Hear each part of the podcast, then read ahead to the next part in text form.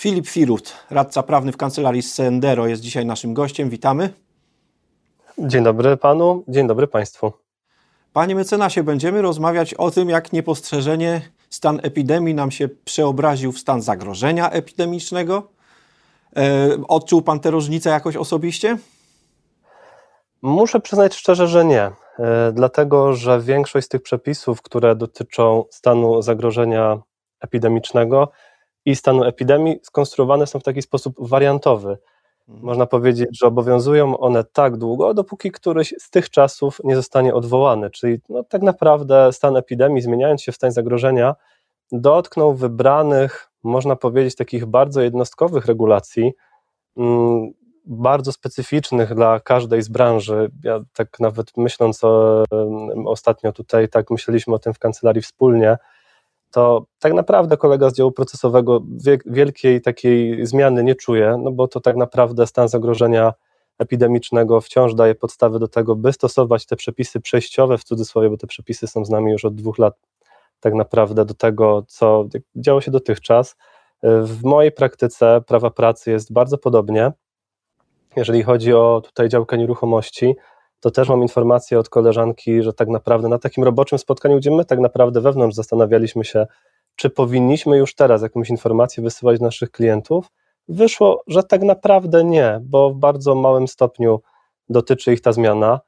E, co niepokoi i na co zwróciliśmy uwagę, to to, że tak naprawdę chyba nie, nie dokonano takiej oceny skutków, tak? bo oczywiście o tyle, o ile przejście ze stanu epidemii do stanu zagrożenia epidemicznego nie pociąga za sobą jakiejś takiej dużej mm, fali, że tak się wyrażę, e, tego, że pewne przepisy za chwilę przestaną obowiązywać, bo ta konstrukcja przepisów jest taka, że one obowiązują podczas stanu zagrożenia epidemicznego lub podczas stanu epidemii oraz pewien okres po, no 30 dni czy tam na przykład 3 miesiące, Aha. no to jednak już w ogóle wyłączenie tego pomarańczowego światła, które pali się teraz na tak naprawdę zielone, to jest dopiero ten moment, kiedy powinniśmy się zacząć zastanawiać nad tym, co się zmieni.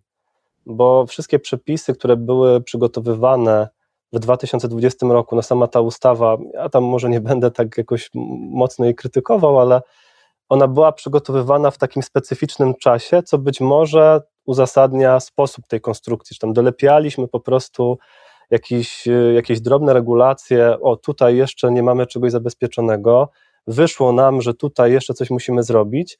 E, I tak naprawdę mamy zlepek takich przepisów, które ja interpretuję jako ranę na plaster, ale tak naprawdę no, musimy wyleczyć pewne, pewne elementy. Okazało się, że tak jak pewnie wiele osób zakładało, konstruując te przepisy, że będą one z nami na chwilę, okazało się, że są one już z nami dwa lata. Wiele praktyk, na przykład tutaj myślę o pracy zdalnej, którą stosują przedsiębiorcy i to jest taka, no powiedzmy z mojej branży rzecz najbardziej widoczna, tak, że mieliśmy telepracę, mamy teraz pracę zdalną, to są dwie rzeczy totalnie są nie, nie, niezwiązane.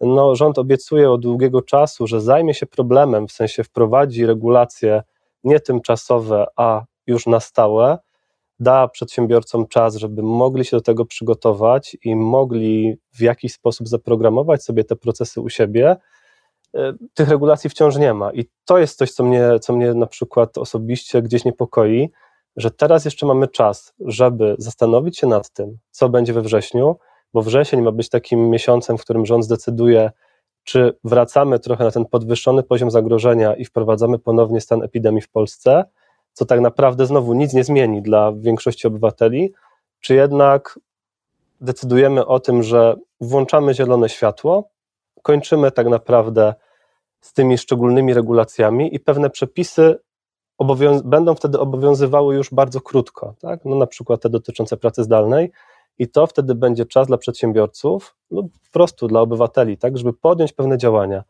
Mm, I to tak naprawdę jest rzeczą, nad którą my powinniśmy się zastanowić już dzisiaj, w sensie my, myślę tutaj bardziej o rządzie, no bo tak naprawdę dla nas, jako dla prawników, taka sytuacja delikatnego zamieszania być może nawet jest na rękę, bo wtedy we wrześniu, pewnie we wrześniu jeszcze nie, ale w październiku wszyscy klienci gremialnie zgłoszą się do nas z prośbą o poradę, co się zmienia i tak naprawdę co muszą zrobić, żeby pewne, pewne rzeczy sobie uporządkować. no znów mogę odwołać się do, jakiegoś takiego, do jakiegoś swojego doświadczenia i do praktyki, którą się zajmuję. No, na przykład tutaj jest to rzecz, która dotyczy osób z zagranicy. Dużo obcokrajowców pracuje obecnie i przebywa w Polsce na, jak to mówi, mówi, mówią się, mówi się żargonowo, przedłużce covidowej, tak? Ich pozwolenie na pracę wygasły, ich pozwolenie na pobyt wygasły, przedłuża możliwość przebywania w Polsce i pracy ustawa covidowa, a tak naprawdę jeżeli jeden ze stanów, jeżeli ten ostatni stan, w tym wypadku mamy tutaj stan zagrożenia epidemicznego, zostanie odwołany, to też będzie taki bardzo krótki okres, kiedy te osoby będą mogły złożyć wnioski o wydanie nowych dokumentów. No spodziewam się wtedy takiego eksodusu, tutaj no wszyscy, wszyscy zaatakują urząd wojewódzki w, każdej, w każdym województwie, no już teraz widać, że to są jednostki niestety niewydolne, żeby obsługiwać w krótkim czasie bardzo dużą ilość osób. No i tutaj obawiałbym się na przykład tego, że będą zatory, nie wszyscy zdążą e, i znów może być jakieś takie zamieszanie, e, co dalej, co zrobić, tak? Więc to, to są te ryzyka, nad którymi myślę, że już teraz rząd powinien się zastanawiać i po prostu starać się przeciwdziałać temu, by taką atmosferę niepewności e, wprowadzić gdzieś we wrześniu. Ciekawe, czy to się rzeczywiście uda. Panie mecenasie, pan myśli, że e, kwestia pracy zdalnej, jeszcze ciągle nie rozstrzygnięta przez kodeks pracy, e, pozostanie z nami na dłużej w, w, w, sposób jakiś bardziej uregulowany? To, to jest rozwiązanie, które się sprawdziło, jest korzystne? W mojej ocenie tak. Mm, można powiedzieć, moja obserwacja jest taka, że na początku, jak mieliśmy tutaj do czynienia z tym nowym systemem, tak, 2020 rok, nagle okazało się, że nie możemy pracować w biurze, był strach przed tym, żeby pozwolić pracownikom pracować zdalnie, natomiast teraz po dwóch latach widać, z jednej strony mówi się coraz więcej o tym, to może już nie jest moja branża, natomiast ona też nas dotyka, o takich skutkach, powiedzmy, związanych z psychiką ludzi, z psychiką pracowników, takiego trwałego odizolowania. To nie jest dobre, żeby teraz zamykać ludzi w domach i żeby cały czas, korzystając tylko i wyłącznie z laptopa, pracowali zdalnie. Natomiast widać też korzyści tego rozwiązania. Tak podejrzewam e, i najczęściej spotykam się z rozwiązaniami hybrydowymi. Tam, gdzie jest możliwość korzystania z laptopa i przenoszenia tej pracy płynnie z biura do domu, tam ta praca zdalna na pewno zostanie. Przez wielu, przez wielu naszych klientów jest wykorzystywana. E, niesie ona ze sobą ogromne korzyści. Ja sam zresztą jestem beneficjentem pracy zdalnej, gdzie tak naprawdę, no, nawet jadąc dzisiaj do biura, z uwagi na korki, korki w mieście, korki we Wrocławiu, to spędziłem na, poświęciłem na dojazd ponad 40 minut. Także zwracając do domu, spodziewałem się, że znowu będzie to pewnie z pół godziny co najmniej. No to niewątpliwie, jeżeli nie muszę pojawiać się w biurze, wolałbym tę pracę wykonać z domu i to jest czas, który po prostu oszczędzam, tak? Więc jakby całkowicie bym się do, do domu nie przeniósł, natomiast gdybym teraz codziennie musiał wracać do biura, pewnie takie rozwiązanie nie byłoby najbardziej optymalne i wierzę też w to, że mm, wierzę, widzę i tak naprawdę doświadczam współpracując tego, doświadczam tego współpracując z klientami, że wiele podmiotów wykształciło już mechanizmy, które pozwalają na to, by płynnie łączyć pracę z biura z, z pracą w domu.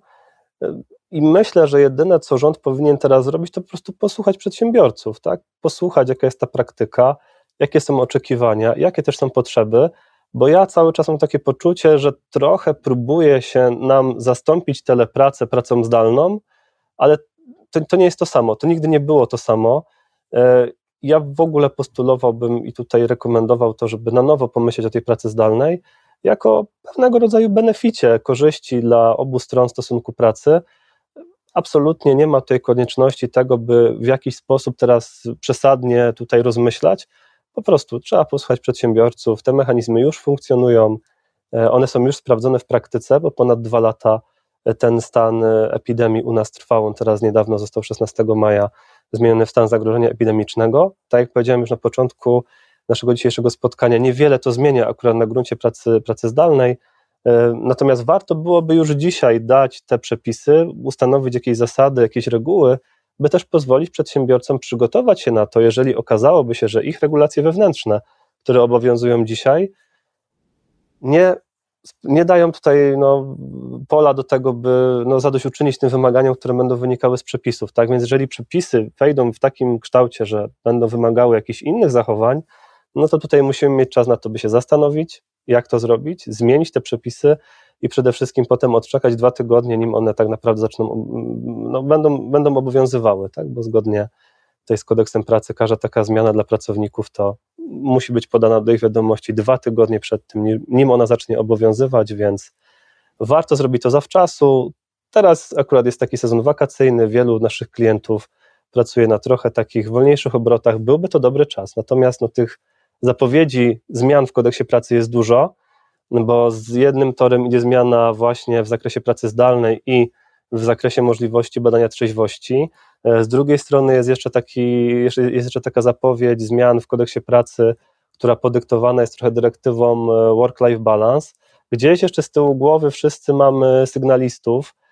Tak naprawdę te regulacje powinny już obowiązywać od grudnia najpóźniej ubiegłego roku. Wciąż jeszcze nie mamy ostatecznego kształtu tych przepisów, więc dużo jest takich niepewnych, niejasnych rzeczy, e, które trochę utrudniają jakby no, naszym klientom i nam funkcjonowanie. Tak? Gdybyśmy wiedzieli już dzisiaj, jak będzie, byłoby świetnie, bo moglibyśmy już zacząć działać. Miejmy nadzieję. Czy rząd nas słyszy? Mam nadzieję, że tak. Dziękuję za to spotkanie. Może tak. Mecenas Filip Firut, kancelaria Sendero, był naszym gościem. Dziękuję panu, dziękuję państwu.